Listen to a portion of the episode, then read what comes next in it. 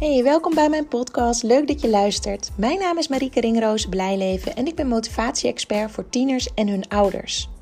Zodra je tiener naar de middelbare school gaat, verandert er direct al heel erg veel. Je tiener heeft opeens een weerwoord, is veel weg, doet niks aan school. En wij moeten mee veranderen als ouder. Maar hoe doe je dat? Moet je grenzen stellen of loslaten? We hebben het idee dat hij zoveel meer kan, maar niks doet. School lijkt hem gewoon niet te boeien. Elke dag ruzie over huiswerk en dan dat uitstelgedrag. Wat moet je ermee? En al die strijd, kan dat ook anders? Het antwoord is ja. In deze podcast deel ik praktische informatie over het opvoeden van je tiener en omgaan met hun motivatieproblematiek. Handvatten, inspiratie, tips en tools om meer positiviteit, rust, ontspanning en gezelligheid te ervaren binnen het gezin. Want dat willen we toch allemaal? Ben je er klaar voor? Let's go! Yes, welkom bij weer een nieuwe podcast. Het is op dit moment zondagmiddag. Het is nog middag, want het is tien voor half zes. Dus het is nog geen avond volgens mij officieel. Ik heb net weer een uh, online sessie gehad. Online Zoom sessie met uh, ouders van het online programma Positiviteit in de Puberteit die ze volgen. En dan heb ik om de week heb ik een online sessie met alle ouders die deelnemen. En uh, dan kunnen ze alle vragen stellen over de module die, we, die ze net hebben gedaan, maar ook gewoon vragen over de situatie van hun tiener waar ze tegenaan lopen. En vandaag kwam er onder andere naar voren dat een, um, een ouder die gaf aan: ja, als ik mijn tiener niet van het scherm afhaal, van, uh, van, dus van het gamen, dan zit hij er zo de hele dag achter. Maar ik merk nu, nu ik hè, dit programma, dit online programma doe, uh, merk ik ook, oké, het is niet persoonlijk als ik hem eraf haal en hij wordt heel boos. En hij heeft het gewoon eventjes nodig om dan heel boos en gefrustreerd te reageren als hij eraf moet. Maar daarna heb ik hem eigenlijk geholpen. En ze zei: Het moet niet gekker worden, maar hij is nu zelfs buiten met vrienden. Hij is niet aan het gamen nu. En dat doet hij uit zichzelf. Nou, dat is natuurlijk onwijs mooie uh, ja, mooi resultaat wat ze hebben kunnen boeken.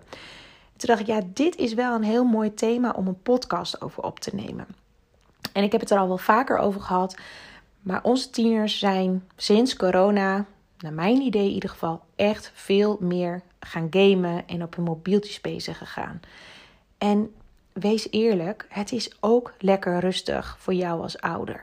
als je zegt dat ze van hun, van hun eh, computer af moeten of van hun schermpjes af moeten, en ze gaan dan met broertjes klooien of uh, ze gaan uh, zeggen dat ze niks te doen hebben of, of het wordt onrustiger.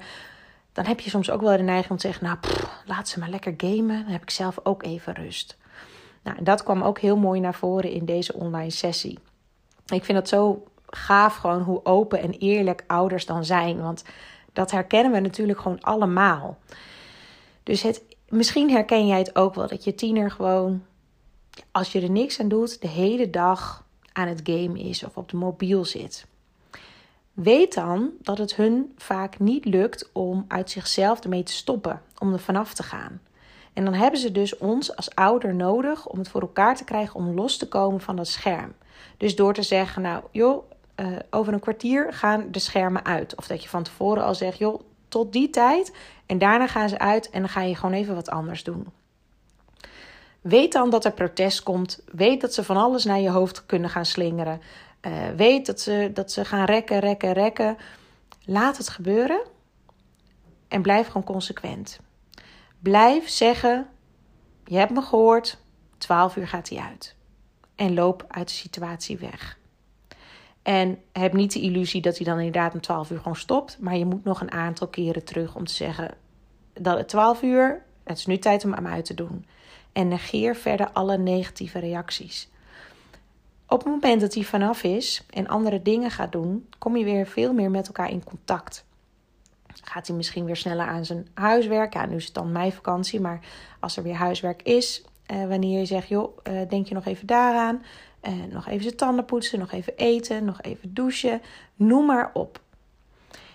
En dan kan het dus ook zo zijn dat ze op den duur dus weer ruimte krijgen in hun hoofd om andere dingen te gaan doen dan alleen maar op het schermpje zitten.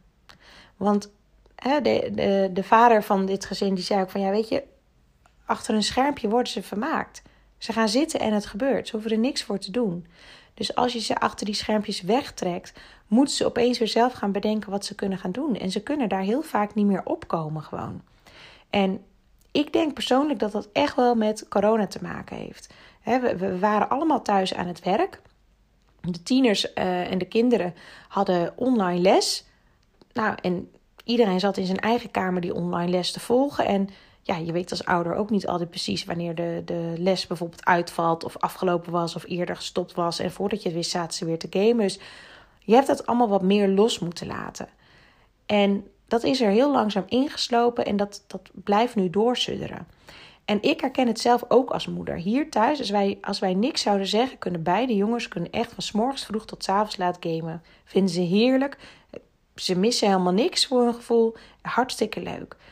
Als wij dus zeggen dat ze eraf moeten, ja, het eerste wat er gebeurt is dat ze met elkaar gaan stoeien en dat gaat steeds harder. En denk je, oh, wat een onrust. Hè? Het is best wel rustig als ze even lekker aan het gamen zijn. Maar als je consequent blijft van nee, ook als je je verveelt, niet op de computer, niet op je mobiel of wat dan ook, ga maar wat anders doen. Op een duur komt het creatieve brein wel weer op gang en kunnen ze wel weer dingen bedenken die ze kunnen doen. Gaan ze wel weer met vrienden iets doen of uh, gaan ze zelf wat, wat, wat dingen doen in huis of Noem maar op. Alleen dat consequent zijn, dat klinkt makkelijker dan het is. Want wij zijn ook wel eens moe natuurlijk. Wij hebben ook wel even behoefte om ons eigen ding te doen. En als ze dan dus niet eraf gaan, bijvoorbeeld wanneer je dat, weet ik veel, een kwartier geleden hebt gezegd, moet je weer opstaan uit je stoel, moet je weer erheen lopen en moet je ze er vanaf trekken en moet je die hele stortvloed aan negativiteit weer, weer uh, over je heen laten komen, zeg maar, omdat ze niet af willen. Dat vraagt wat. Maar als jij tegen jezelf zegt: het is niet persoonlijk, hij heeft het nodig om er achterweg te kunnen komen. En ik help hem uiteindelijk om in zijn brein ruimte te, in zijn brein ruimte te creëren voor andere dingen. En deze ouders begonnen ook over het boek van Koen Schrobbers, Het Gamende Kind. En dat is wel een heel mooi verhaal. Uh, ik heb met hem trouwens ook een podcast opgenomen, podcast 67 uit mijn hoofd. Uh, en dat heet Hoe zorg ik ervoor dat mijn kind ook wat anders gaat doen naast het gamen of in plaats van gamen. Zoiets is de titel, nummer 67. En heb ik een podcast opgenomen met Koen Schrobbers. Hij heeft het boek Het Gamende Kind dus geschreven. Hij is zelf een uh, professioneel e-sporter geweest. En uh, hij had heel veel strijd rondom het gamen met zijn moeder. Zijn moeder vond dat hij veel te veel aan het gamen was. En nou, continu gedoe daarover. En zijn moeder nam hem eigenlijk pas serieus vanaf het moment dat ze hem op televisie zag verschijnen. Dat hij de een na het andere interview op televisie had vanwege zijn e-sport. En dat hij daar zo goed in was en dergelijke. En toen heeft hij samen met zijn moeder het boek geschreven voor andere ouders. Um, ja, hoe je kan omgaan met het gamen van je tiener. En wat je ervan moet weten bijvoorbeeld. En hij heeft het daarin ook over vijf S'en. Ik even denken of ik ze nog allemaal weet. En die vijf S'en moeten allemaal in balans zijn met elkaar. Dus de S van schermpjes of spelletjes. S van school. Uh, de derde is van sociaal. Uh, vierde is van sport. En nog eentje. Nog een S. Ik weet ik even niet meer. maar die vijf S'en moeten in balans zijn. En deze ouders vertelden: wij hebben uh, de naam van ons kind in het midden gezet. En die vijf S'en met de betekenis erbij hebben we er omheen gezet in rondjes. En hebben we dus af en toe de vraag gesteld: joh, hoe gaat het met de S'en? Welke S'en zijn vandaag gelukt? En het bewust maken van je tiener dat, er dus, dat het belangrijk is dat die vijf S'en. Oh ja, slaap. Dat was nog de laatste S. Hij komt in één keer op bij me. Dat die vijf S'en dus in balans zijn. Dus spelletjes of schermpjes, slaap, school, sport en sociaal. Dan is het oké. En dan heb je het dus niet over een gameverslaving als die vijf in balans zijn. Dus ik vond dat wel een hele mooie tip van deze ouders. Dat je die dus uh, nou, bijvoorbeeld op de koelkast kan hangen om daar eens af en toe met elkaar naar te kijken of het er met elkaar over, te over hebben. Want gamen is ook vaak een uitvlucht voor de realiteit bijvoorbeeld. Dat hoeft niet altijd zo te zijn, maar soms is het zo dat tieners die heel veel gamen, dat die niet lekker in hun vel zitten. Dat, dat ze ehm, moeite hebben met sociale leven, moeite hebben met bepaalde verwachtingen die van hun aan hun worden gesteld, bijvoorbeeld. En door te gaan gamen, sluit zich daarvoor af. Want gamen is iets waar je steeds beter in kan worden. En als je afgaat, krijg je weer een nieuwe kans en een nieuwe poging. En word je er niet op afgerekend. En games zijn zo gemaakt dat je continu beloningen krijgt. Hè? Een level up of, of weet ik veel, dingen die je kan verdienen. Dus elke keer krijg je dat positieve gevoel. Daarnaast is het natuurlijk ook zo dat er ontzettend veel sociale uh, interacties met vrienden hè, via de headsets en dergelijke. Dus het is ook echt wel een sociaal stuk geworden. En, maar goed, ik ben van mening dat het daarnaast ontzettend belangrijk is om ze af en toe ook echt te helpen om erachter weg te komen en even andere dingen te gaan doen dan alleen maar op het schermpje.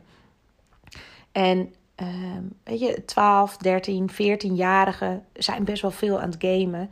En vanaf hun 15 en 16e mogen ze ook bijbaantjes. En dan merk je dat zodra ze een bijbaantje krijgen, dat ze ook echt wel minder gaan gamen. En dat ja, ze worden wat groter, ze mogen wat, ze mogen wat meer dingen.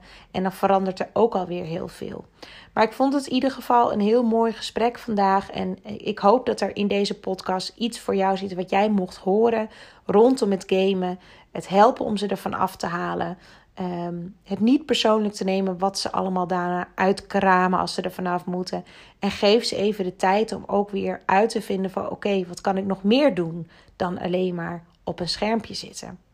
En soms is het ook handig om zelf actief mee te doen uh, door, door gewoon actief iets met ze te gaan doen. Ergens heen te gaan. En ja, soms heb je daar geen zin in als ouder en is het ook lekker makkelijk om ze op het schermpje te laten. Kijk, het is echt niet erg om dat af en toe te doen, maar wees er wel bewust van. En um, het is ook interessant om ook op te letten hoeveel je zelf eigenlijk op je mobiel zit. En ja, daar maak ik mij ook schuldig aan. Ik zit ook, als ik even wil ontspannen, zit ik ook al snel op mijn mobiel, moet ik heel eerlijk zeggen. Um, dus het gaat hier niet om goed of fout, maar vooral weer om het bewust worden, inzicht krijgen in patronen. En is dit wat je wil? Is dit wat je wil voor je kind? Is dit wat je wil met je gezin? Zo niet, wat wil je dan wel? En wat is er voor nodig om daar te komen? En heb het er met elkaar over. Je hoeft niet te zeggen om 12 uur moet hij uit. Je kan ook zeggen uh, van joh, ik wil even met je erover hebben. Want je zit nu veel te gamen. En het is ook belangrijk om af en toe naar buiten te gaan. Wat kunnen we hierover afspreken? Dus dat je het met elkaar bespreekt. En dat je ze ook ruimte geeft om mee te laten denken, bijvoorbeeld. Alright, dit is hem voor vandaag. Ik wens je heel veel succes en geniet lekker van het zonnetje. Doei doei!